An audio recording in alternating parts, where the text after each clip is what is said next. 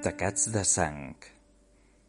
El programa de crònica negra del Camp de Tarragona i les Terres de l'Ebre, amb Marta Bros i Georgina Coca.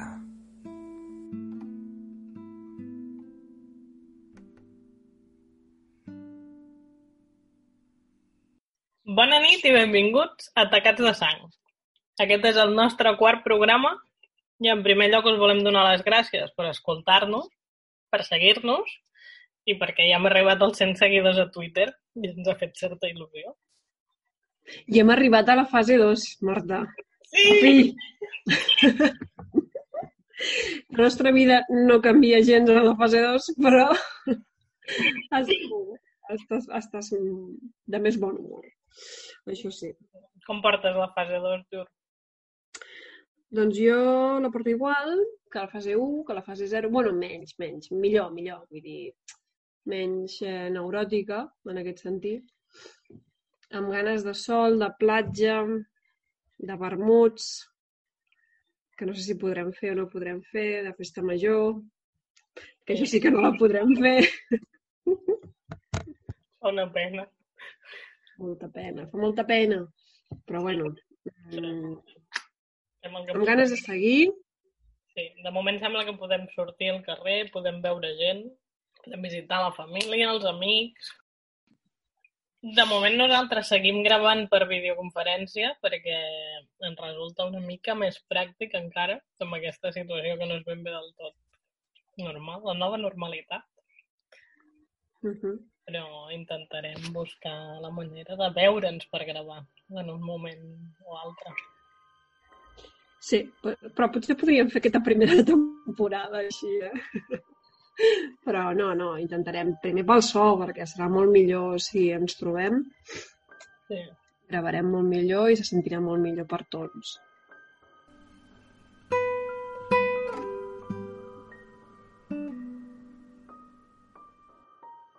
El nostre cas d'avui passa a Reus el 2005. I el Reus del 2005 era molt similar al Reus d'avui en dia, però amb certes diferències en la vida nocturna. Uh, cap al 2005 estava com més compartimentada, hi havia uns, uns punts concrets on sortir de festa segons el que t'agradés. El 2005 feia un pocs anys que havia tancat el mític Sarri, que va tancar el 2002, i a prop del punt on es trobava el Sarri s'havia anat creant un circuit de nit de bars del rotllo, on es movia sempre la mateixa gent, gens que si no es coneixien de vista es coneixien perquè coincidien en altres llocs. Això. És un circuit que queda vinculat al lloc on estava el Sarri, al camí de Riudoms, per la presència d'un altre bar, el Chaplin, que es converteix en un bar bastant destacat a la nit reusenca i que va ser un dels escenaris principals del cas que avui explicarem. La Mercedes de Pablo era una dona de 33 anys bastant coneguda a la ciutat. Era allò que es coneix com una RTB, una persona de Reus de tota la vida. Era la filla de l'encarregada de la llançeria Martí, una botiga de tota la vida del centre de la ciutat, i estava molt implicada amb activitats amb la jove cambra i amb les associacions de botiguers. La coneixien com a Cedes. El dia 10 de juny, que era divendres, la Cedes va sortir de festa per aquest eh, circuit de nit de, de bars del rotllo que hem comentat. Uh, I era 10 de juny, que vol dir que segurament començava a fer calor, que s'allargava el dia, que la festa major de Sant Pere era molt a prop a la cantonada, una festa que marca l'inici de l'estiu, i això convidava a sortir, però aquesta nit va ser la última nit de les sedes. A quarts de vuit del matí de l'11 de juny, l'endemà, una trucada anònima avisava de la presència d'un cos en un contenidor del carrer Güell i Mercader de Reus. És un carrer que es troba molt a prop del carrer del camí de Riudoms, on estava el bar Chaplin, i segons eh, es va descobrir al cap d'uns moments és que era el cos d'una dona que estava sense roba i presentava signes de violència.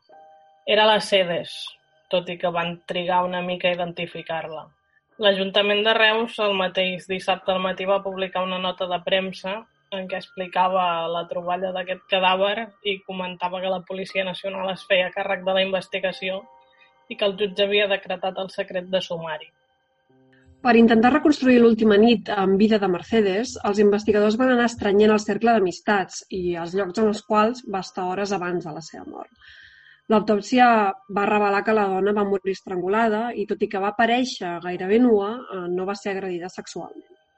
Per això va ser molt important eh, estrenyar aquest cercle d'aquestes persones que van estar amb ella aquella nit, no? amb l'objectiu d'intentar trobar la última persona que va estar amb la Mercedes. Amb els signes externs d'haver estat estrangulada, el cos presentava un cop al cap, una mossegada al braç i una ferida d'arma blanca. Aquesta última nit va transcórrer al barri del Carme, concretament en una zona de diversos carrers molt propers. L'espai era molt limitat, en el qual els punts clau estan separats per molt pocs metres. Un dels primers bars que va visitar Mercedes aquella nit de divendres va ser l'Àmfora, molt proper al camí de Riudoms. Un testimoni va explicar al diari de Tarragona que l'havia vist a primera hora de la nit i li va preguntar per un amic en comú. En no trobar-lo, li va dir que li digués que marxava cap al bar Campus, un local que està situat al carrer Sant Llorenç. Quan estava al campus, va rebre el missatge d'una amiga per anar a la fàbrica, una discoteca de Reus, però ella va declinar la invitació. A partir d'aquest segon bar, el tercer lloc on es veu la Mercedes va ser el bar Chaplin, Chaplin del carrer Gornals, molt a prop del carrer on va aparèixer hores després mort. En aquest local va ser vista amb dos nois joves. A una hora que es desconeix, Mercedes i un d'aquests nois joves que l'acompanyaven es van traslladar fins al pis d'aquest, el número 18 del carrer Gornals, en un bloc que es diu Gornal Centre. I aquí es va perdre la pista. Dies més tard, el dia 6 de juny de l'any del mateix any, el dia 16 de juny, la policia va citar a Miguel Ángel Martínez Marco, de 22 anys, sense antecedents penals ni policials, a declarar en qualitat de testimoni, ja que l'havien vist aquella nit amb Mercedes. Després de diverses preguntes, Miguel Ángel va confessar el crim. Miguel Ángel va matar Mercedes al pis del carrer Jornals, a on ell vivia amb el seu tiet i la seva cosina. Mercedes de Pablo hauria estat estrangulada a mans de Miquel Àngel, que després es va desfer del cos traslladant-la traslladant fins a un contenidor que havia al carrer Güell i Mercader, a molts pocs metres de casa seva. En un altre contenidor va llançar una bossa amb la roba d'ella. Des de que es va conèixer la notícia de l'atenció de Miquel Àngel, s'havia especulat amb la possibilitat que aquest jove i la víctima haguessin mantingut una relació sentimental amb anterioritat. Alguns dels testimonis que recullen al diari de Tarragona eh, es van inclinar més amb la possibilitat que es coneguessin des de feia molts pocs dies. Un dels encarregats d'un dels bars on, es va, on va ser vista Mercedes va dir no dic que no haguessin estat junts en alguna ocasió, però juraria que es coneixien de fa poc a través d'una tercera persona. El judici va començar el 21 d'abril del 2008, a l'Audiència Provincial de Tarragona. S'acusava Miguel Ángel de violar i assassinar Mercedes. Miguel Ángel, el primer dia del judici, va dir que va ser una mort accidental. Ell va ingerir grans quantitats d'alcohol i cocaïna, i els dos van decidir pujar al pis a mantenir relacions sexuals consentides. Miguel Ángel explica que un cop dins del pis, ell la va agafar pel coll, com una espècie de joc, i ella no va fer cap senyal que li molestés. Però quan va treure la mà de Mercedes ja no respirava. Es va espantar i com que no sabia si era morta o viva, la va deixar al contenidor. L'endemà van declarar els forenses i la versió va ser diferent. Les lesions que tenia Mercedes al coll van ser intimidatòries i es van produir amb arma blanca abans que fos estrangulada. Els cops que va rebre la víctima, un a l'ull, els forenses també van assegurar que es van produir quan ella encara era viva. Un detall important durant el judici va ser la intervenció d'un estomatòleg, que va fer l'informe de les mossegades que presentava Mercedes. El pèrit va dir que les lesions per les mossegades que tenien hi havia hematomes per aspiració i va declarar que estaven davant d'una agressió sàdica típica de crims sexuals. La intervenció dels pèrits químics va decretar que a les proves del cabell de Miguel Àngel hi havia consum de cocaïna, però una taxa baixa de consum d'alcohol. En el cabell de Mercedes es va, es va trobar una taxa molt elevada d'alcohol, de 2,97 grams per litre de sang. Això és una intoxicació etílica aguda, així que presentava signes evidents d'embriaguesa. L'endemà, dia 23 d'abril, el cas va ser vist per sentència. El dia 6 de maig del 2008 van condemnar a 28 anys de presó a Miguel Ángel Martínez de Arco, acusat d'agressió sexual i de l'assassinat de Mercedes. 15 anys de presó per l'assassinat i 13 anys i 6 mesos per agressió sexual. La jutge va tenir en compte els atenuants de confessió i consum d'alcohol respecte al delicte d'assassinat, mentre que en el cas de l'agressió sexual va tenir en compte el de consum d'alcohol, ja que l'autor dels fets va manifestar que la relació va ser consentida. D'aquesta manera, la pena de 30 anys de presó que demanava l'acusació particular i els 27 anys de la Fiscalia van quedar amb una pena de 28. L'any 2009, el Suprem va dictaminar que no hi va haver violència ni intimidació, perquè Mercedes no estava conscient. Així que la condemna passa d'agressió sexual a abús. Això implica 5, 5 anys menys de presó. I fins aquí el cas d'avui. Em, volem afegir que, que amb aquest canvi que hi va haver l'any 2009 amb el Suprem, no? que, que passa d'aquesta condemna d'agressió sexual a abús, que implica això, aquests 5 anys de, de reducció de la condemna, eh, també hem de dir que la jutgessa, la, el, quan hi ha la sentència, el, el 2008, eh, la jutgessa amplia, com si haguéssim les demandes. Vull dir, en aquest m'explico. Eh, finalment, eh, Miguel Ángel és acusat a 15 anys de presó per assassinat i a 13 anys i 6 mesos de presó per agressió sexual. Hem de dir que això no és el que, ni, ni el que demanava ni la Fiscalia ni la, defen ni la, ni la defensa. Vull la Fiscalia demanava 18 anys de presó i 9 per delicte d'agressió sexual i l'acusació particular demanava 30 anys de presó i 12 per violació. Doncs la jutgessa sí que hi ha un canvi, hi ha una rebaixa en el tema de l'assassinat, però sí que augmenta en 13 anys i 6 mesos eh, la pena per agressió sexual. No? El que és sorprenent és evident que al cap d'un any el Suprem digui que com que ella no era conscient del que estava passant, no hi ha una agressió sexual, sinó que hi ha un abús.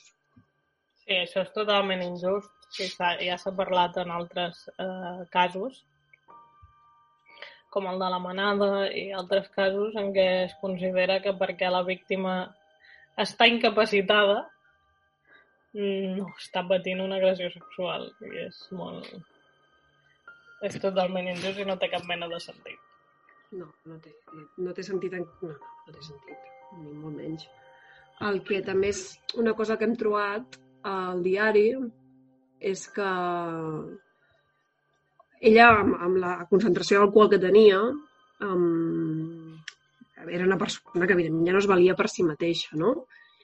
I... Sí, de fet, en un dels articles en què es parla del cas, es comenta que si algun dels cambrers o alguna de les persones que la va veure l'últim bar on va estar, el bar Chaplin, hagués eh, avisat el, a una ambulància o, el, o emergències perquè hi havia una persona que realment no s'aguantava de peu, eh, potser això s'hauria pogut avisar.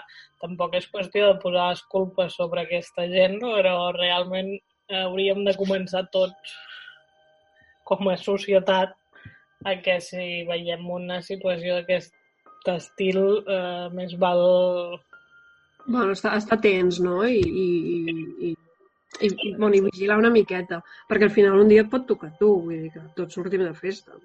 I, I el que val sí, pagar molt de poc, que més val...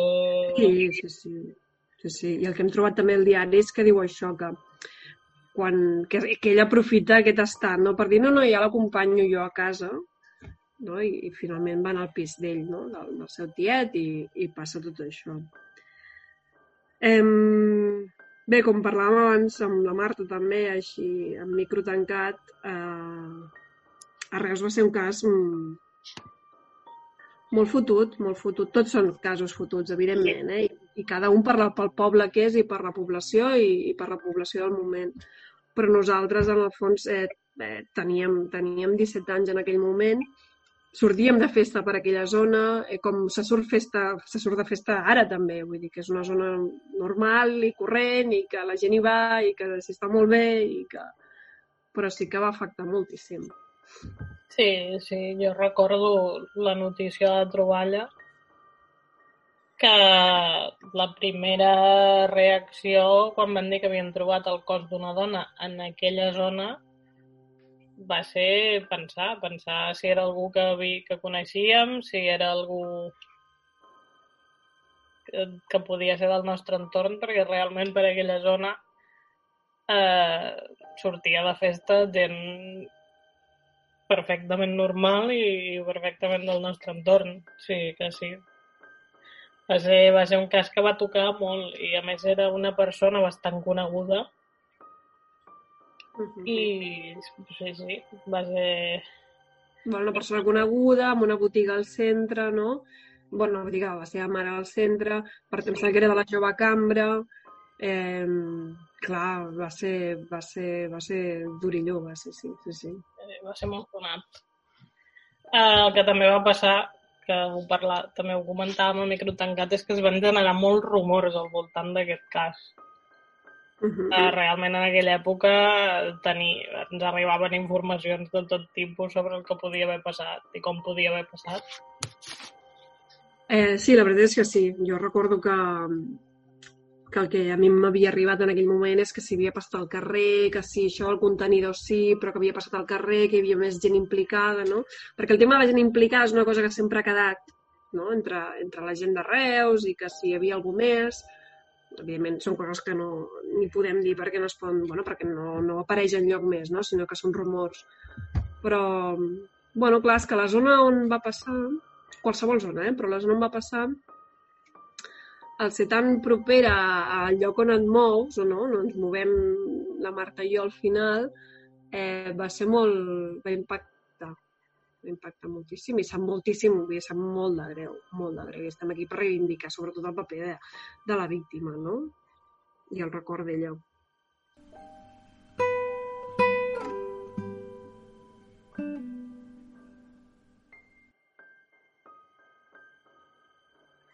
I ara passem a la nostra secció de recomanació i avui la Jordina ens porta un documental de HBO. Sí, jo us porto el documental que es diu Crimen y desaparición en Atlanta, Los niños perdidos, que tracta d'un cas de... Que, bueno, que es va produir, va haver uns assassinats en, durant l'any 79 i fins l'any 81, on van morir eh, 28 nens. Eh, la majoria, molts d'ells, eh, eren, crec que 20 i pico, eren menors d'edat. Després eh, sé que ha, bueno, doncs, la resta eren, eren adults, no? I aquest eh, documental, que es divideix en, en cinc capítols, com ja estem acostumats no? a veure documentals així com a sèrie, um, és molt interessant perquè et presenta aquest cas des d'una perspectiva actual, perquè aquest cas s'ha tornat a, a reobrir el 2019 per poder, amb la tecnologia actual, doncs, acabar de, de detallar certs temes i un d'ells és que van acusar a un noi, a un noi de, que en el seu moment tenia 23 anys, que es diu Wayne Williams. El van acusar d'assassinar els dos adults que hi ha en aquest grup de 20, 28 persones, però que i està, està a la presó i té una pena de dos cadenes perpètues, però que en el seu moment només el van a, poder acusar d'aquestes dues morts, però que en general se li van atribuir totes aquestes altres, no? tots aquests nens, tots aquests 28 nens. I llavors aquest documental el que t'explica és una mica la visió que tenen alguns familiars, que va ser, vull dir, va ser un... Això va passar a Atlanta i va ser un, un rebom. Vull dir, clar, 28 persones mortes i d'ells que siguin nens, eh, és horrorós, vull dir, que jo crec que que trastoca qualsevol ciutat, no? El problema és que les autoritats no s'hi van ficar en sèrio i l'FBI no s'hi va ficar en sèrio fins que no portaven, em sembla que 13 o més, o més de, de, de, més de nens, vull dir, no sé, o més, o, o 20 nens morts, no? I tot era perquè, bueno, el rebombori aquest racial, no? Que eren nens negres, doncs que no s'hi ficava prou la policia, perquè eren nens de barris marginals i tot això. I al final acusen a Wayne Williams perquè el troben en, en un lloc que, bueno, heu de veure el documental. La gràcia és que aquest documental eh, també el podeu veure en una sèrie que la Marta. És, eh, no és un documental, la sèrie és una sèrie de ficció, però que està basada en casos reals, que és la sèrie Mindhunter, que segur que sap, coneixeu i heu vist, o si no l'heu vist la teniu pendent, que està a Netflix. És una sèrie que és de David Fincher i eh, precisament aquest director eh, li agrada molt eh, fer una investigació molt acurada i una recreació molt acurada quan tracta fets reals.